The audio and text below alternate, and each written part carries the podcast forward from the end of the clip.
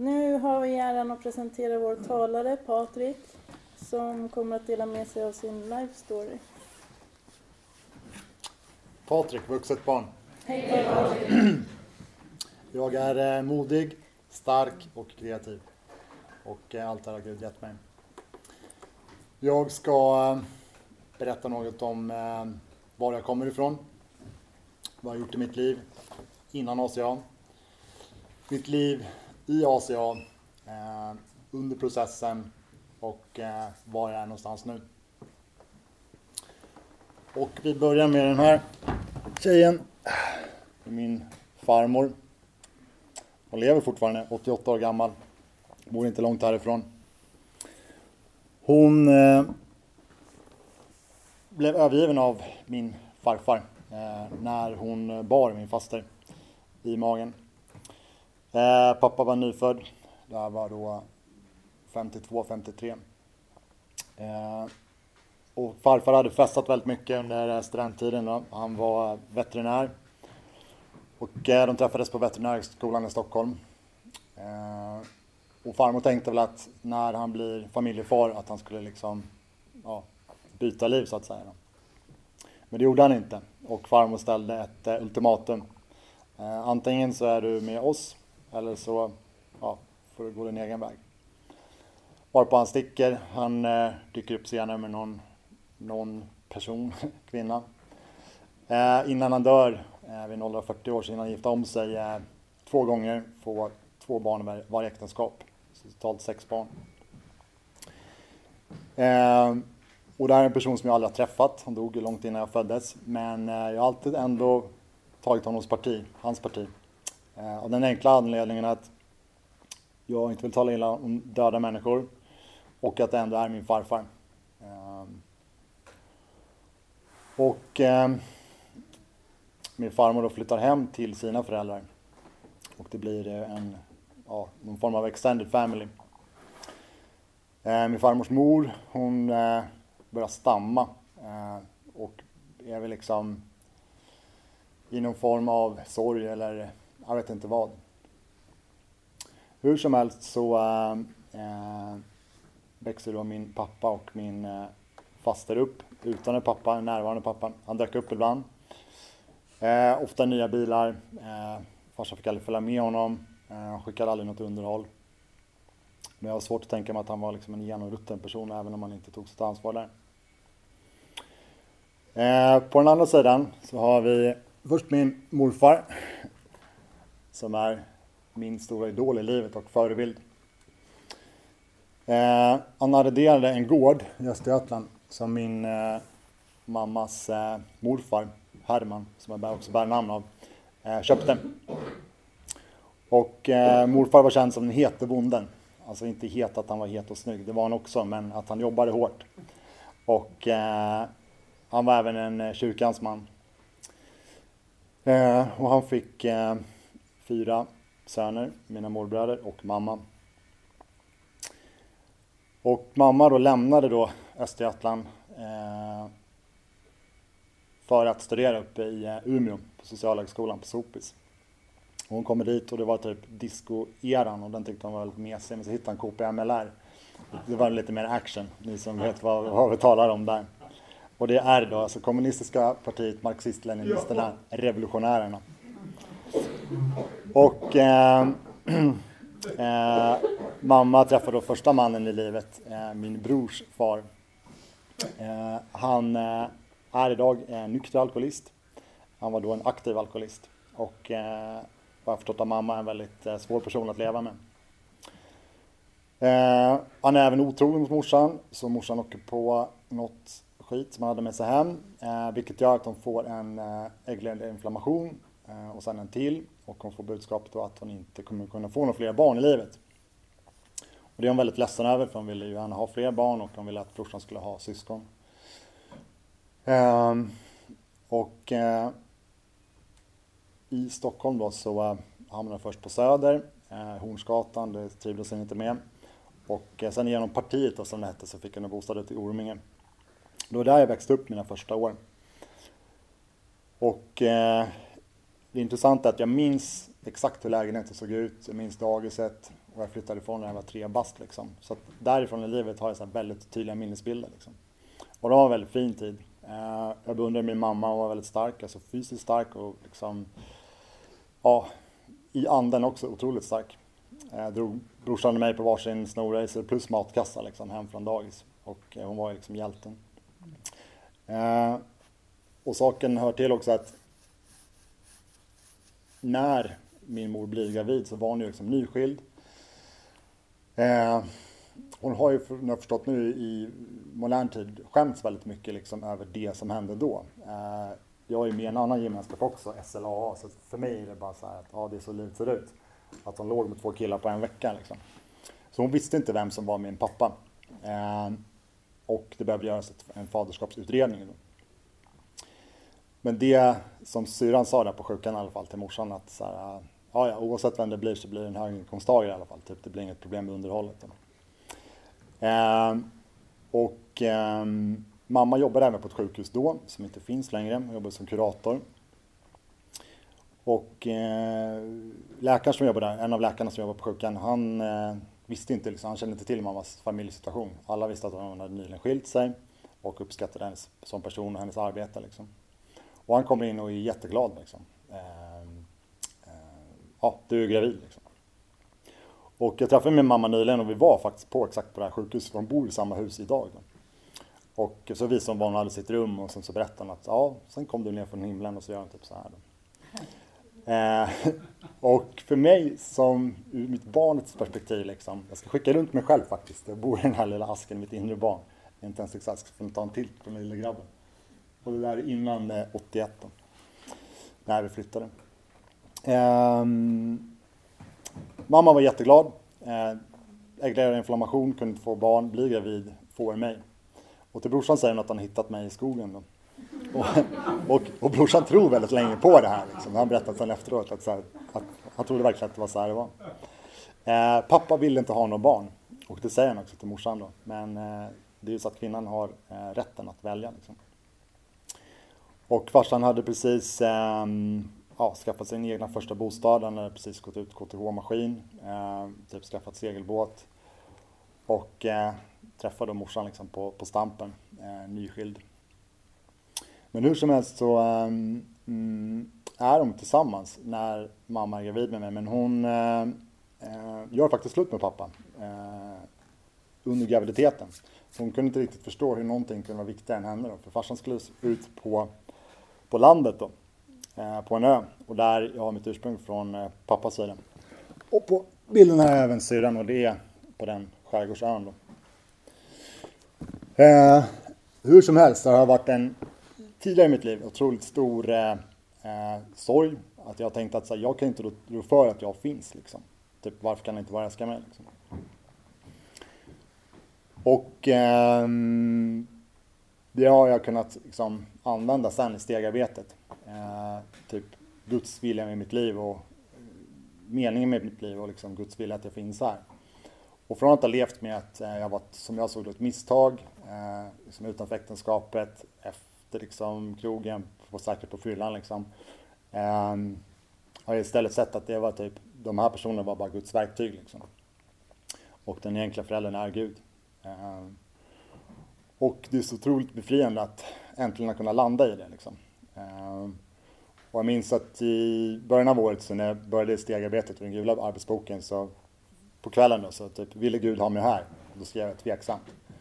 Och sen såg jag på saken och så vaknade jag upp dagen efter så jag bara, ja men självklart, så här, jo det vill han liksom. Ingen snack om den saken. Och eh, ja, faktiskt, jag glömde en jätteviktig person. Mormor, hon finns här också. VK, eh, Viola Karlsson, hon lever inte längre så jag bryter tolfte traditionen. Det här har jag gjort på ålderdomshemmet. Och farsan har faktiskt snickrat ramen också. Så de har liksom gjort någon sån samproduktion efter hennes död. Och eh, det fanns ett tid i livet jag inte kunde ha den här framme för jag ville inte tänka på farsan alls. Liksom, när, när minnet började komma tillbaka. Liksom. Eh, vad han hade gjort mot morsan, vad han hade gjort mot brorsan och gjort mot mig. Och eh, det är en man helt oförmögen att hantera sina känslor. Eh, såklart har en känsla som alla andra människor men eh, har bara kunnat uttrycka dem i, i vrede, ilska, Och det värsta tror jag nästan det har varit eh, de här blickarna, suckarna och sådär. Som barn som bara för mig blivit en bekräftelse på att, typ att han inte vill ha mig och sådär. Och ha mig där. I dagsläget har vi en helt annan relation. Jag har förlåtit honom för vad han har gjort mot mig. Det gjorde jag i, i steg 9 i somras. Då. Jag sa för första gången att jag älskar honom, eller jag skrev det men ja, det var mina ord. Liksom. Och sen vad han har gjort mot morsan, det, det är deras grej. Liksom. Och det var en väldigt viktig del i hela också att eh, jag har väldigt länge liksom fört mammas kamp. Men eh, när jag hade gjort det kanske i ja, hela mitt år, den har liksom intensifierats de senaste fem åren, då insåg jag någonstans också att den bästa hjälp jag kan få för mamma, det är att jag tar hand om mig själv. Och det här är en del av en t-shirt som jag burit på varje nätverksmöte vi har haft för mamma. Då. Och det som händer är att pappa misshandlar mamma igen och eh, hotar henne även till livet den här gången. Och jag har behövt klippa isär den här tröjan för att eh, det gick inte att använda den, det spelar ingen roll om jag tvättar den för att eh, eh stresshormoner som utsöndras när du har panikångest och paniksyndrom är så starka så att eh, de går inte att tvätta bort liksom, med vatten och tvättmedel. Men nu har jag mer kvar den här som ett minne för den kampen. Liksom. Eh, är även någonting ifrån uh, min pappas sida. Och det är uh, Hermanssons, eh, uh, TH Hermansson Stockholm. Det är en kylarfabrik. Den låg där läkarhuset ligger idag. Och det har också förstått det också att att leva i så här typ sorgen, förlust, saknad efter någonting som du har haft och förlorat.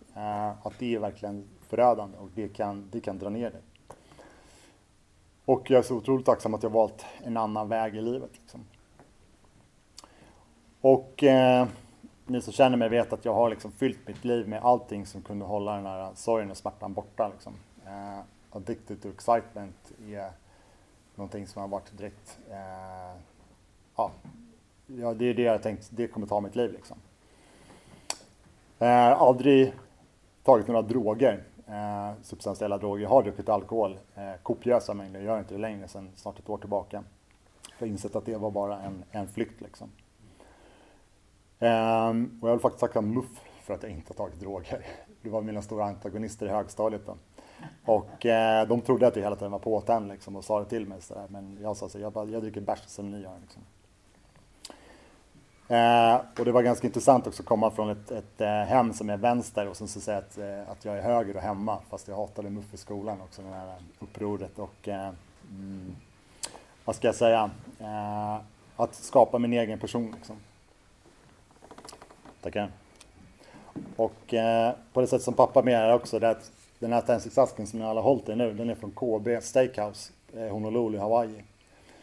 Så jag vill också liksom ta med mig det och berätta det, det som han faktiskt har gjort för mig i livet också. Liksom. Han har tagit mig till andra sidan eh, jordklotet. Liksom. Och eh, eh, han nämnde tidigare att han är en man som kanske är oförmögen att hantera sina känslor liksom, och att han har istället begravt sig själv i arbete. Och eh, man är och var civilingenjör och är väldigt duktig på det han har gjort. Eh, och jag har förstått också hört på omvägar att han är såklart agerat ut i ilska på arbetet men han har klarat sig tack vare att han har varit så yrkesskicklig. Liksom. Eh, och eh, det jag sen gör senare i livet, när jag, jag börjar plugga, det funkar, jag utbildar mig till trämetallslöjdslärare eh, och går helt in i det.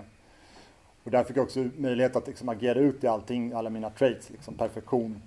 Jag vet inte om ni tänkte på cirkeln här inne av stolarna, att den var typ perfekt. Liksom. Det är mitt sätt också bara att ta med humor. Liksom. Att jag tar, använder liksom det som är jag också. För att jag har ju varit, jag är jag, jag är alltid det här liksom. Men att använda det och göra någonting, någonting positivt av det. Eh, och vara kreativ liksom. Men eh, det som varit stora sorgen i livet, bortsett från att jag tidigare känt att jag inte var välkommen, att jag inte var önskad, att jag inte var älskad, var att för mig var det otroligt svårt att ha en nära relation med en annan person. Liksom. Mm. Eh, I skolan och sådär så har jag aldrig varit, alltid varit populär och eh, gjort min egen grej och eh, varit omtyckt och sådär. Det, det, det har aldrig varit grejen och jag har inte varit, jag är väl egentligen blyg faktiskt, jag kommer på, det kommer jag på i somras, jag hör mig också säga det. Men att det, det har inte varit problemet utan det har varit när en relation börjar närma sig intimitet. Eh, när liksom två personer börjar närma sig varandra och den andra personen vill komma med in på livet. Liksom, vilket jag förstår, vilket är fullt rimligt. Liksom. Men jag har aldrig pratat om det jag pratar om nu för någon människa någonsin. Liksom. Eh, jag har sagt att ja, farsan kunde bli lite arg ibland. Liksom. Men i själva verket såg jag morsan flyga in i väggen eh, när jag var fyra bast. Liksom. Eh, eller tre till och med, när ni såg mig på bilden här. Och det skapar en enorm rädsla och skräck hos ett barn. Liksom. Att eh, den som har eh, fött dig, ammat dig, liksom gjort allt, eh, eh kanske dör. Liksom. Till följd av att en person eh, inte kan kontrollera sitt humör. Och eh, jag har också utvecklat eh, en förmåga att, liksom, att läsa av eh, framförallt pappa då, hur han, hur han är och eh, att inte skapa ens irritation. För kunna bli irriterad, kunna bli eh, arg, kunna bli arg, kunna bli våldsam, kunna bli våldsam, kunna mamma dö. Eh, och mamma lever idag och mår väldigt, väldigt bra. Men det har varit en väldigt lång väg dit. Eh, ja, jag var inne på lärarhögskolan och eh, jag började närma mig examen. Och eh, jag har fortfarande liksom, jag har så många oavslutade utbildningar i, i bagaget. Liksom. Men Eh, tidigare känt mig att, som att det varit väldigt misslyckad, att jag inte lyckats. Varför tar jag inte examen? Varför bildar jag inte familj som mina liksom, årsbarn? Liksom. Men nu fattar jag ju varför. Liksom. Och det har, bara, det har bara landat i mig de senaste månaderna faktiskt. Eh, där jag förstår vad jag har upplevt, vad jag har varit med om och varför jag har levt som jag har gjort. Och jag har lyckats förlåta mig själv för hur jag har levt och jag har frågat mitt inre barn om han kan förlåta mig. Och det kunde han göra. Det var inga konstigheter. Det ni ser vidare här sen är eh, det som hände efter gymnasiet. Då. Eh, jag är också Norrlandsjägare och jag sökte till ett förband då, som eh, fanns i norr, i Arvidsjaur. Eh, och eh, jag tror att det också var ett sätt att få uppmärksamhet, att få pappas uppmärksamhet. Att vara duktig, liksom, att vara, eh, göra någonting extremt. Liksom. Um, och jag är civil liksom, i nio år och sen så återvände jag eh, till Arvidsjaur. Eh, på den internationella jägarplutonen det var 250 som sökte, 25 som kom in, så en av tio. Och jag har alltid gillat sådana utmaningar, det har varit extremt. Då. Och så, dels addicted to excitement och sen så feeling superior. Liksom. Det här är ju superior, så jag bara tjongar om det.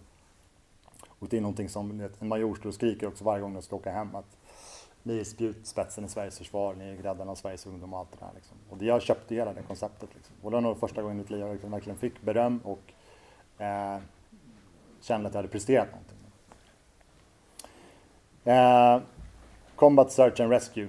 Eh, det är en utbildning som extremt få personer får eh, gå i Försvarsmakten idag. Det är mest flygande personal och SF. Då. Men vi fick göra det.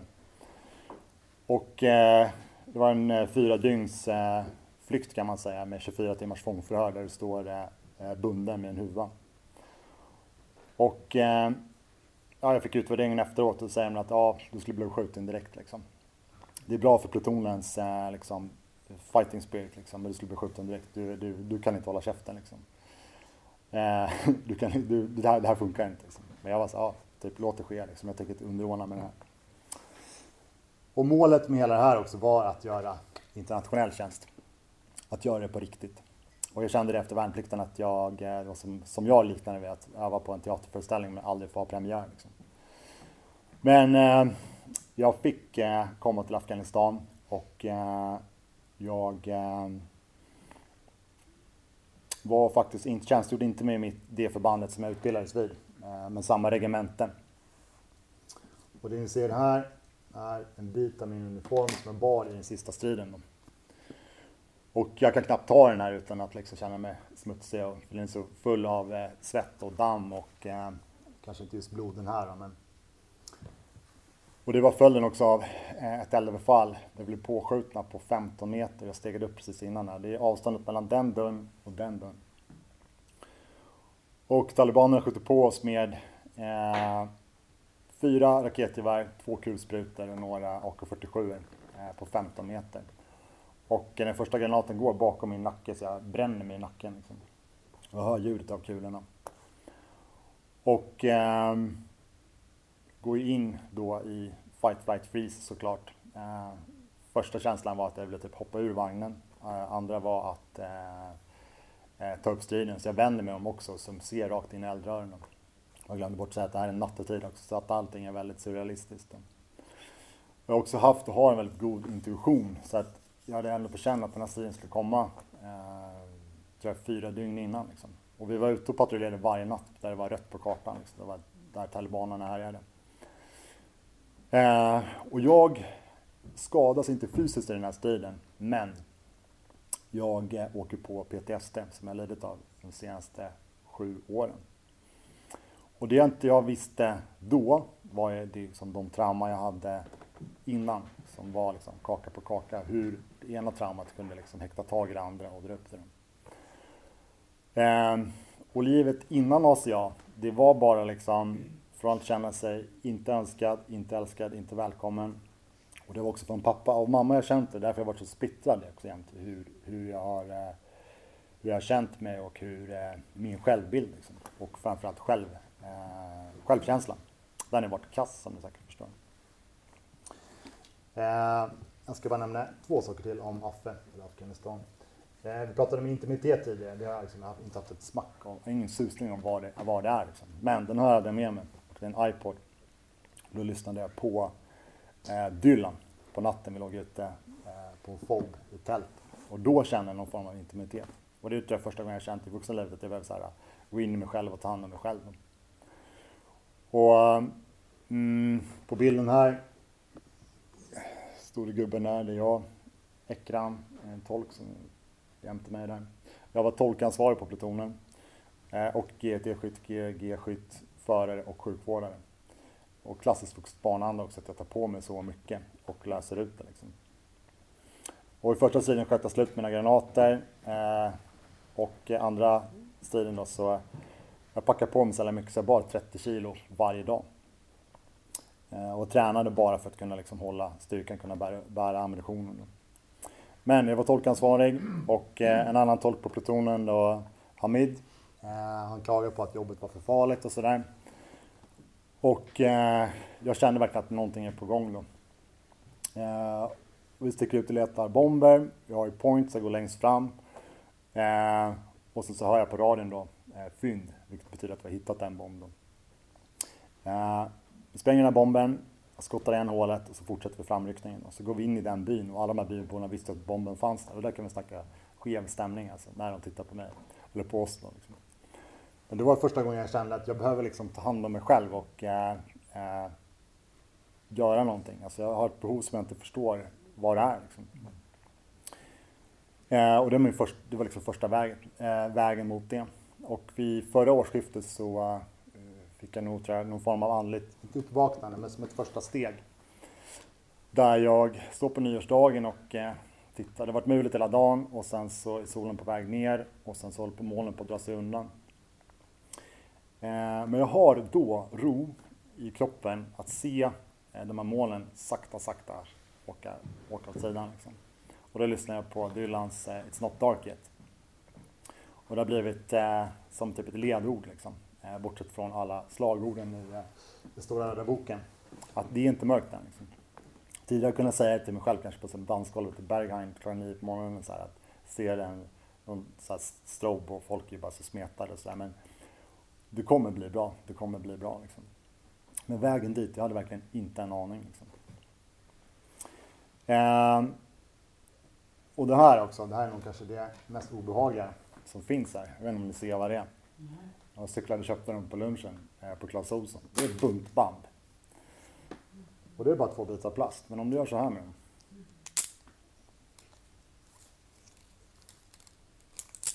Ser ni vad det här är? Ja, du kan bunta någon, alltså sätta handfängsel på någon. Och det var någonting som jag fyllde stridsvästen med. Eh, fem stycken sådana här, stoppat in i sidan. Och eh, jag vet inte varför jag gjorde det då. Nu vet jag varför. Eh, det var liksom ingenting som ingick i standardutrustningen, men det var liksom något, ett initiativ som jag tog. Och eh, i en av de eh, striderna som vi, jag deltog då så det var en annan grupp som blev påskjutna. Vi kommer och kör rakt in i den striden. Eh, vi ser en värmekälla på ett fält, eh, framrycker med två stycken eh, 90-40. Det är ett stridsfordon som väger 22 ton. Och eh, ute på åken så, eh, jag vi kappen en kille. Jag har aldrig känt så stark eh, sympati med en annan människa än någonsin tidigare i mitt liv. Inte ens efter det faktiskt. För att han kändes, jag upplevde att han var så extremt underlägen. Han hade försökt döda våra kamrater innan. Han var vår motståndare. Men jag kunde bara känna sympati med honom. Och eh, vi urlastar och eh, jag buntar honom då med den här. Och eh, den juridiska sektionen på, försvars, eller på högkvarteret hade liksom huvudbry sedan dess. Typ, kan vi ta fångar? Vad, ja, de, fatt, de liksom, vi säger att det var ett sjukvårdsomhändertagande. Men det gör jag i alla fall. Jag söker honom. Eh, han är grön och sen så han är skadad då. och det jag säger att han behöver eh, sjukvården. Och jag tror att det är lite den, det är liksom lite springande punkten för mitt liv, vad jag väljer att göra där. För att jag har ett extremt övertag, mm, men jag utnyttjar inte det. Jag känner istället sympati för den här personen. Och tänker också på Genèvekonventionen att inte sätta, försätta en eh, icke, icke stridbar kombatant i ett för onödigt lidande. Sen har vi staffplutonchefen från flygvapnet, observera. Han eh, har ett helt annat tänk då. Eh, han säger till mig att han vill se hans händer så det blir svårt, han är buntad, men han behöver sjukvård. Och jag vill se hans händer, jag bara, som jag sa, det blir svårt. Varpå han mantlar sin pistol, sätter den i nacken på honom och han står i samma position som jag står nu då. Fast det är väldigt löddrig, alltså kraftigt försämrat allmäntillstånd. Eh, vad som hände med honom sen vet jag inte. Eh, men jag känner att det var att jag gjorde helt rätt sak och då handlar det liksom från hjärtat. Eh, sen tiden efter Afghanistan har egentligen bara varit eh, att vara i sinnet i Afghanistan, i striden. Liksom. Och att, ja, typ farsans våld och sånt, det var det jag kände till sen tidigare. Det, det är liksom bleknar jämfört med talibanerna. Liksom. Men som jag var inne på tidigare då så misshandlade då pappa mamma igen. Och det var efter att hon hade varit inne på, på psyket så många gånger. Jag tror att hon varit på psyket i sju, gång, eh, sju gånger. Och när den här telefonen så har jag bilder och hälsat på henne varje gång på psyket och eh, tagit selfies i hissen. Som också någon eh, mm, spegling av de selfies vi ser liksom, i sociala medier. Om vad människor gör, liksom, man bakar muffins eller vad det än är. Liksom. Och då vill jag typ inför mig själv i alla fall beskriva min, min verklighet. Liksom. Och eh, jag insåg nu i efterhand att jag behövde liksom, mm, utkämpa den kampen först. Liksom. Eh, morsans, stötta morsan. Och eh, under en period så bor hon även hemma hos mig. Hon är kraftigt eh, deprimerad, hon är suicidal. Eh, hon, eh, hon skriver inte ett brev, men eh, jag kommer hem, jag jobbar på svartklubb. Jag fick jag för med pengar, liksom, jag borde vara glad men jag, eh, jag kunde inte sova för fem öre. Jag liksom låg ovanpå sängen, så klev jag upp och ser hennes ansikte, hon ser ut som, som eh, skriet. Edvard Munchs skriet. Liksom. Och frågar mamma hur, hur det var med henne. Och hon eh, säger bara, men drick kaffe först, eh, så berättar jag sen. Så jag, bara, men jag ser hur du mår, kan du inte istället säga? Liksom, men drick kaffe först. Och då börjar hon prata, hon minns inte det själv idag, men hon pratar om sig själv i tredje person i förfluten form. Alltså. Eh, att jag skulle vara den som då förde budskapet vidare till de övriga i familjen och släkten. Liksom, var att det här var hennes vilja, sista vilja. Men som jag nämnde tidigare så jag kom till insikten också, det jag vill tacka er för att eh, min bästa hjälp till henne är att släppa henne. Och eh, när jag kom till ACA då var det så här, nej men jag ska rädda morsan ungefär. Och så, så var det någon som sa, men du då? Jag bara, nej. Och det fanns inte liksom att, att jag skulle sätta mig själv, att jag var viktigast liksom. Och den, det, den tanken var liksom så främmande. Och eh, eh, jag var ju också i en relation som gick åt pipan och det var också det som fick mig eh, att eh, göra ett livsavgörande val. Jag kände då att hur jag agerar i den här situationen kommer att bli direkt avgörande för resten av mitt liv. Liksom. Och det är så sant alltså. Eh, och det jag gjort tidigare när jag varit breakups, stuckit ut och festat typ åtta dygn och bara flytt för mig själv. Men nu istället så går jag på möte. Och det som också fick mig att gå på möten, att vara det enda stället jag inte hade panikångest på. Jag fortsatte jobba som vanligt och fick stanna och be sinnesrosbönen liksom under arbetsdagen. Och vågade också vara ärlig gentemot min chef och säga hur det var. Liksom. Och han, ja visst, typ gör det du behöver göra för att må bra. Behöver längre tid så det bara stämpla ut. Och, och, eh, eh, och ta rast helt enkelt. Och eh, jag är otroligt tacksam att jag har ett arbete, att jag kan försörja mig själv, eh, att jag kan göra det hela tiden. Att jag eh, inte har börjat sjukskriva mig, eh, att jag inte har, eh, att jag har tackat nej till psykofarmaka helt enkelt. Eh, och skulle jag beskriva mitt medicinska tillstånd så har jag fått frågan flera gånger om jag sagt nej och varit konsekvent. Eh, och nu lever jag liksom i en tillvaro av, av sinnesro. Men sen det, det programmet har lärt mig också att desto mer sinnesro jag har, desto stabilare grund och bas jag har, eh, desto bättre möjlighet finns det för ett minne att komma upp. Och de kommer upp. Och de behöver komma upp. Och jag behöver uppleva allting en gång till innan jag kan släppa och gå vidare. Hur mycket tid är det kvar?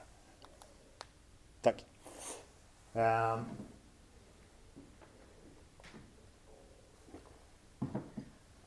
Kontroll har varit någonting som har varit också väldigt centralt i mitt liv.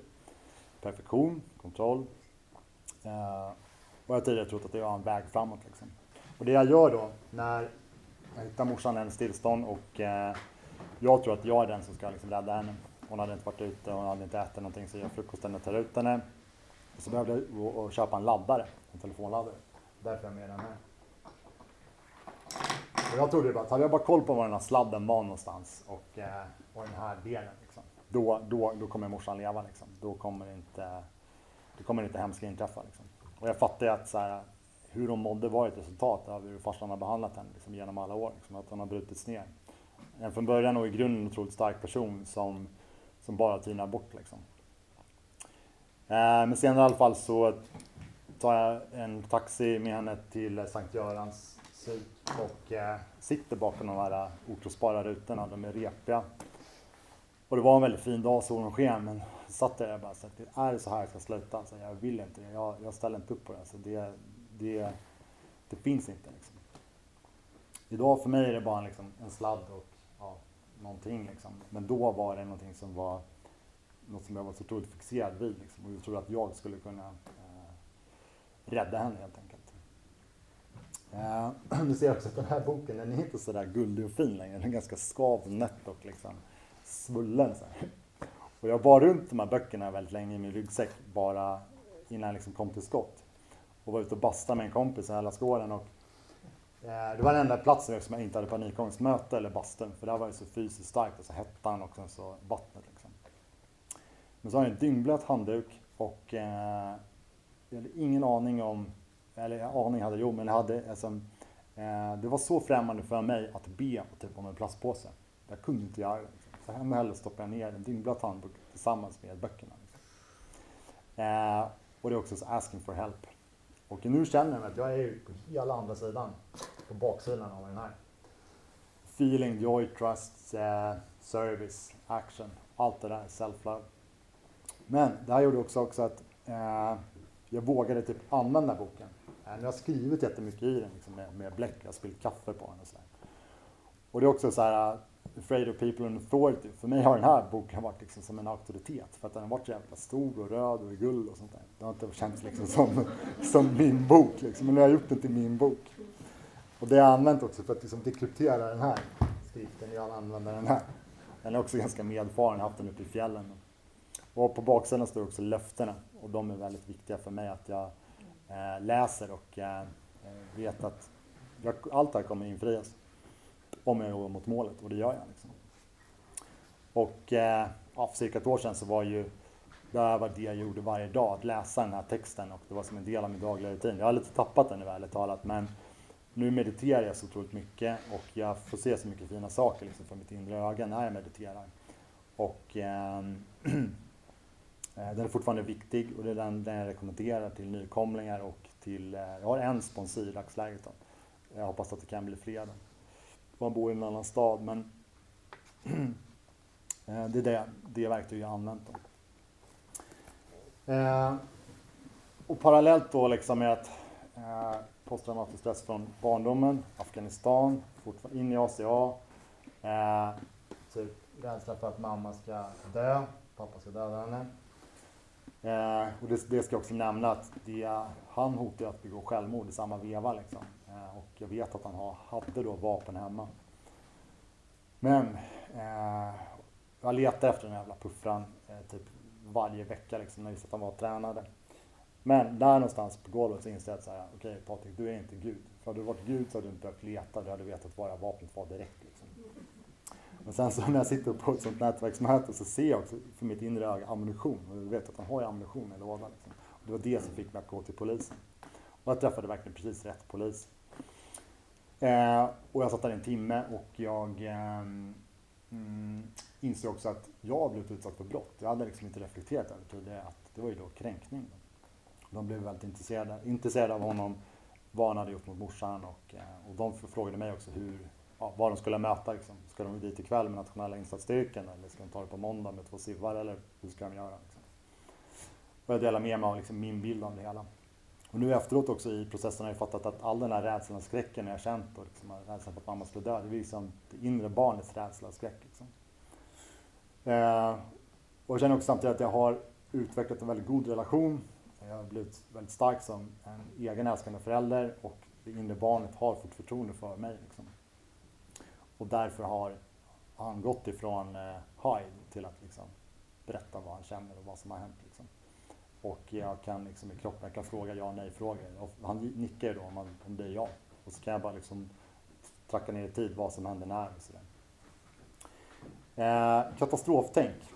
Eh, ser ni vad det här är? Tamponger.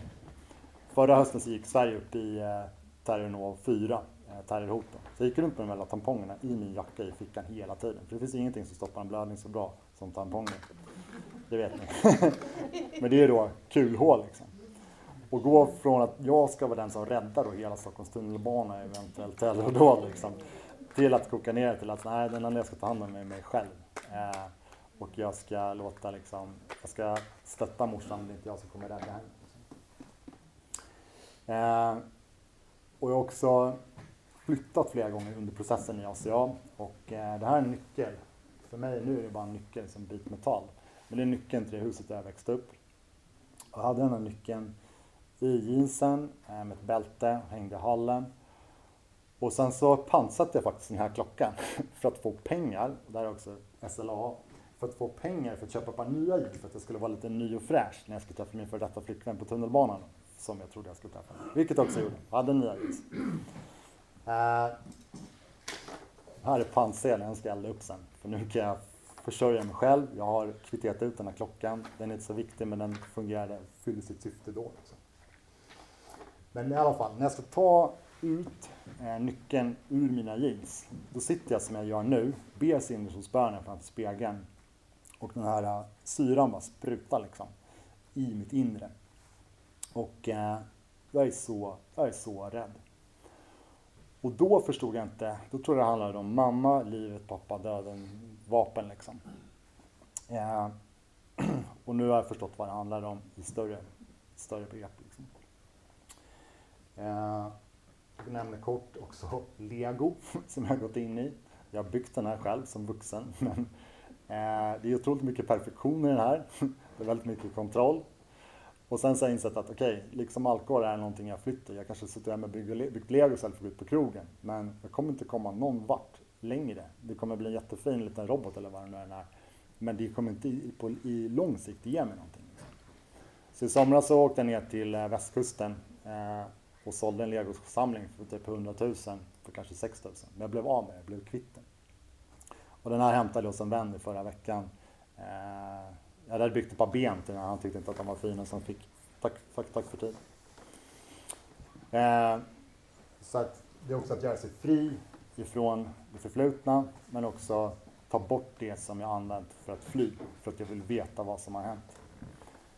Eh, och kort om också eh, relapse ska jag säga, jag nämnde det i pausen. Eh, seducing a new, newcomer, jag har aldrig gjort det, men jag har varit så här, ah, jag kan ju ta min, alla mina kunskaper om programmet och berätta den.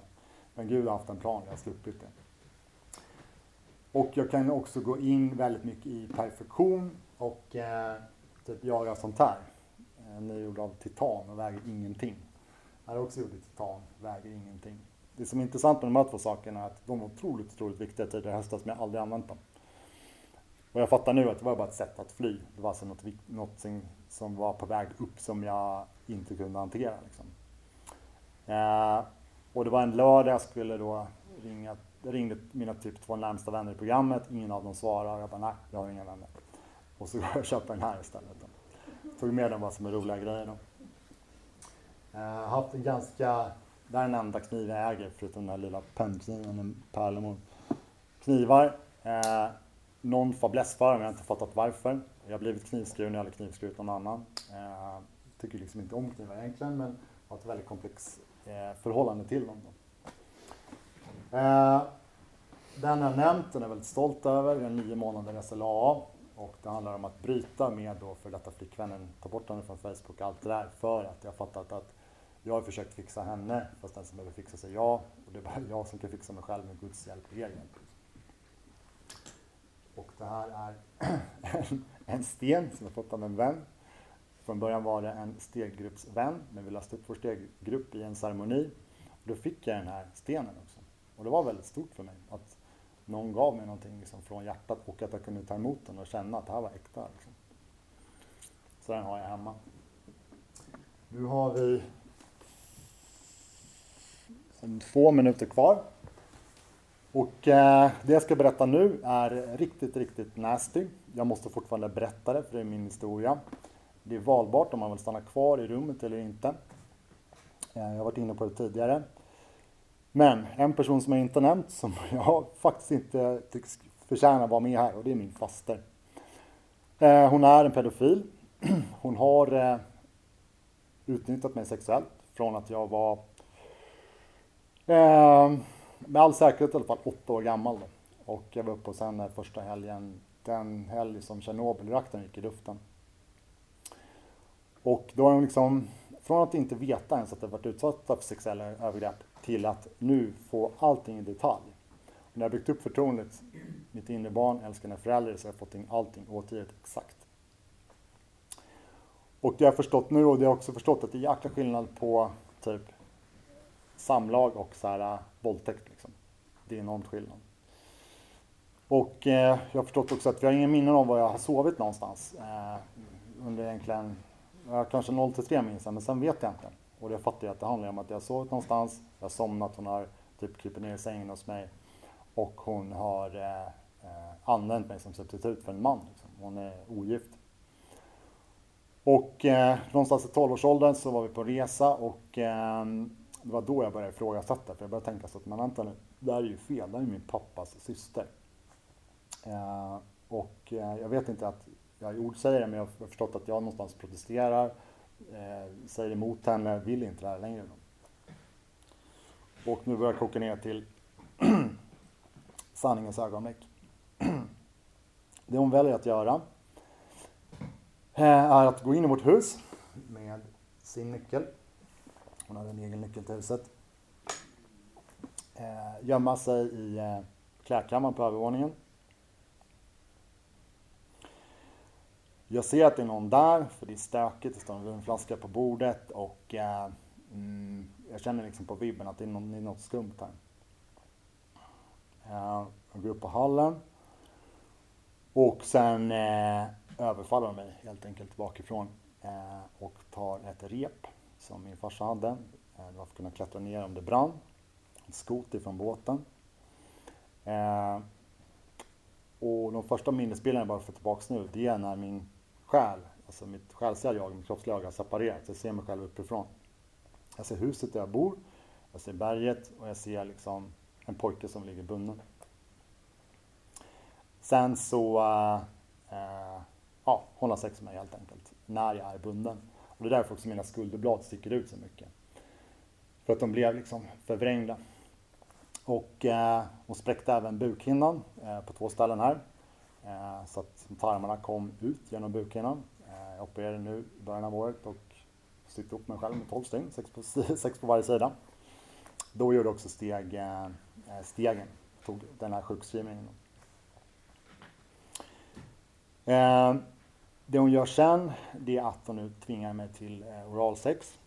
Hon har då mens, så jag har hela ansiktet fullt med blod. Och inte nog med det så drar hon mig ner för trappen och eh, tar en sked och eh, tvingar i mig en drog. Varpå jag blir helt paralyserad. Hon sätter sig och tar en cigg vid eh, köksbordet och tappar upp vatten i badkaret. Jag tror att jag ska dö. Och jag fattar att det är den här skräcken jag har levt i sedan dess. Med respekt för vatten, eh, min liksom fäbless för knivar, att skära mig fri. Eh, varför jag gått in, liksom, varför skedar har varit så jäkla viktiga. Liksom. Och eh, det här, vad det hade liksom för koppling till mitt tidigare liv, liksom, eller tidigare i livet. Hon lever idag, jag har ingen kontakt. Hon ringde två gånger i somras. Tack för tid. Eh, och det som jag håller på att landa i nu då, för det första är det så här, hur kan en människa utsätta en annan människa för det här? Hur kan en vuxen människa utsätta ett barn för det här? Och sen förstå att det här barnet är jag. Liksom. Men det är min historia, vad jag har blivit eh, utsatt för. Eh, men jag känner så otrolig tacksamhet över att det går att över, övervinna eh, en sådan demon. Att det går att tillfriskna. Eh, att det går att helas, det går att läka.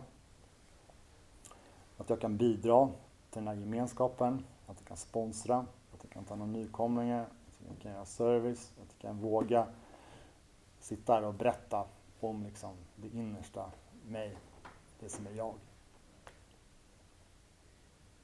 Och det är jag enormt tacksam för.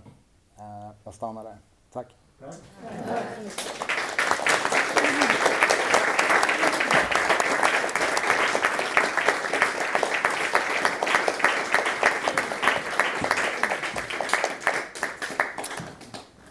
Dags för frågor. Vladde, vuxet barn. Hej Vladde. Under den här kvinnan som eh, gav sig på dig. Mm. Eh, känner du att du liksom kan på något sätt förlåta eller lägga bakom det här eller vill du typ döda den eller liksom? Alltså, det väcker väldigt starkt. Ja, jag förstår. Eh, jag förstår att det väcker mycket inom mig. Jag har förlåtit henne. Eh, och fattar att hon är ett vuxet barn. Eh, hon har inte tagit hand om sin sorg efter att ha blivit liksom övergiven av sin far. Eh, jag tror att hon är alkoholist, jag vet att hon är matmissbrukare, hon är pedofil. Eh, och hon är så tydligt tecken på att den här sjukdomen är progressiv. Liksom. Den tar sig bara nya uttryck. Om du inte tar hand om den. Så att hon motiverar mig till att leva sunt.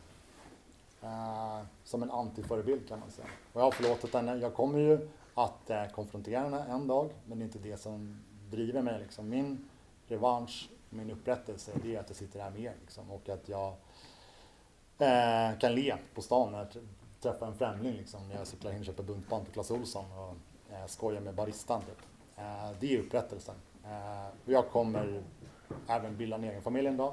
Eh, Jag, det glömde jag säga, jag skickade min första faktura för, förra veckan och så fick jag en kod för att verifiera den. Gissa vad koden bestod av? 12 12. Så det var ganska tydligt tecken. Typ, fortsätt här. Ja, det var lite sidospår men eh, hoppas det var svar på din fråga. Ja, det var det. Tack. Tack. Någon mer som känner sig taggad? Hej! Vi bara tackar för ditt otroliga mod och all kärlek till dig för att du har visat mig det modet som jag kan ha. Tack. Så mycket. Tack.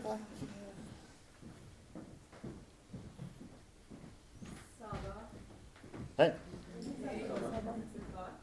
Eh, Jag vill bara tacka för ditt ord. Det här kändes väldigt intimt apropå temat vi hade tidigare. Så min fråga är kring intimitet.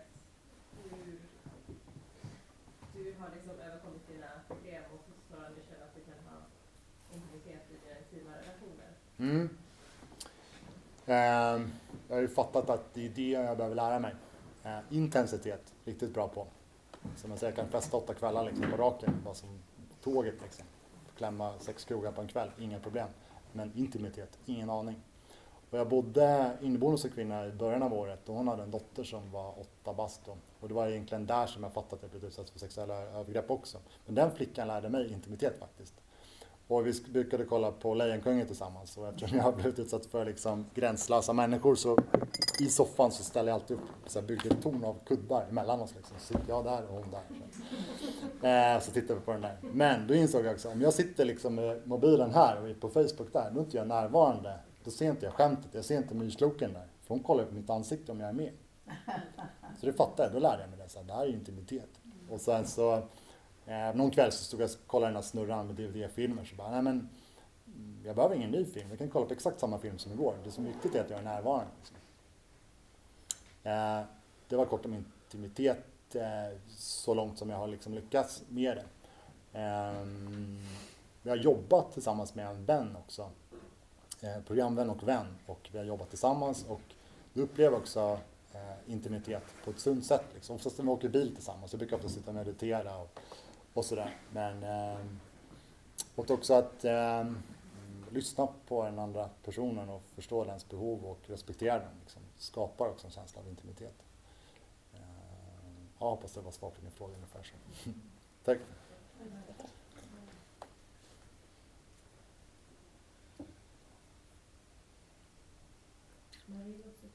Hej Marie. för talet och eh, jag satt och funderade på hur har du gjort att ta hand om din sorg? Ja, tack. Det var en fin fråga. Eh, jo, jag har ju eh, inte fattat förut att jag har haft sorg. Eh, typ farsan grät inte när hans då morfar begravdes och syrran var litet barn. Hon frågade liksom, pappa gråter inte? Så bara, en man gråter inombords och sånt där. Så här, klyschor. Så det är liksom det, det är den världen jag har levt i och 12 någonstans där, det var det första gången jag kunde ta stryk när farsan inte började grina. Liksom. Och det var en väldigt stor seger. Liksom. Jag typ vred om örat ett varv, började inte grina, jag vred om ett till och fick ingen effekt. Liksom. Det kändes som en seger. Mitt mål var att inte känna någonting. Liksom. Men så att jag har varit att liksom backtracka, att börja känna saker igen. Och eh, på jobbet, jag jobbar med service och där är jag ju liksom framåt, jag hörs, syns och liksom gör ett bra jobb. Eh, men samtidigt kan jag känna under dagen att okay, det är någonting som är på väg upp. Liksom. Eh, kommer hem och eh, kanske går runt och så får jag en sån obehagskänsla. Liksom. Jag kan inte riktigt komma till ro och sätter skräpet på golvet. Jag låg bunden i hallen och där var det grus liksom, under. Så att den, det är så otroligt trygg för mig. Liksom. Eh, någonting som är bara lite sandkorn under liksom, fotsulan. Liksom. Så jag börjar dammsuga. Och sen så jämte eh, grejerna så ligger det en handduk, jag har inte med mig den här idag, men det är ett P på den broderat. Typ som Superman fast det är P. Och det är min mormor som har broderat när jag var typ fyra bast och var på mormor och morfars gård. Och då bara typ klappar jag på den där och då bara poff, brast det liksom. Och då sitter jag och fulgråter, liksom, hulkar och bara snor allt så här. Men det är ju så skönt liksom. Och sen så bara, ja, typ torkar snoret, tårarna, så så reser jag fortsätter dammsugen. Så att det är också så här sättet jag gör att, att, att, att typ inte fega utan bara köra liksom. Och eh, det känns eh, det känns väldigt bra efteråt liksom. Och jag lär känna mig själv mer och mer och så processen går ju långsamt. Den sista veckan har den ju verkligen axat men jag tror att det handlar om den nya tiden vi går in i årets slut. Att allt skit måste ut liksom. Jag kan inte ta med mig in i det nya. Eh, min cykel står upp eh, utanför så den kan du känna på. innan jag tagit hand om den sorgen så kastade jag den i huven på en, eh, på en bil som jag höll på att köra på mig på, på Ringvägen. Och eh, det är också så här, om du inte tar hand om sorgen så går den ut i vrede och då pajar ditt liv. Liksom. Tack. En minut kvar. En. Jag känner igen det här med i familjen. Mm. Jag undrar det här med tilliten, andra människor. Nej, ingen tillit. och det är också någonting som varit liksom som ett hinder. Att så här, folk säger, men vadå Patrik, eh, litar du inte på mig? Jag bara, nej nej, alltså, jag litar inte på någon människa, inte ens mig själv. Typ som att det är så jag är. Och det är någonting jag behöver lära mig. Eh, att lägga min ryggsäck där borta och ha den öppen. Alltså, Eftersom jag är jägare får jag aldrig ha min ryggsäck öppen, men göra det också. Eh, eller att, att inte kontrollera andra människor. Utan så här, eh, lita på att eh, människor vill mig väl. Jag är jätteglad över att det finns en dörr bakom mig nu som stod på glänt när jag kom hit. Och jag känner mig typ trygg med, med Katrin som är här. Liksom, för att jag vet att, vet att människorna som är här vill mig väl. Liksom. Men jag behöver lära mig på nytt. Jag behöver lära om. Eh, det som har, så, såklart genom Guds försorg, men det som har tagit mig hit är också att jag har varit misstänksam. Att jag har kollat om dörrar har varit öppna eller stängda. Eh, och eh, minns någonstans också att jag, jag har ju redan dött en gång liksom, fast jag lever. Alltså en del av det mig dog, men nu håller på själen på kroppen och håller på att eh, återförenas. Liksom. Och det är det som händer så här, rent fysiskt med kroppen. Då gör, det gör ju också att jag eh, har möjligheten att träna tidigt. Liksom. Var det svar på din fråga? Cool. Tack. Tack.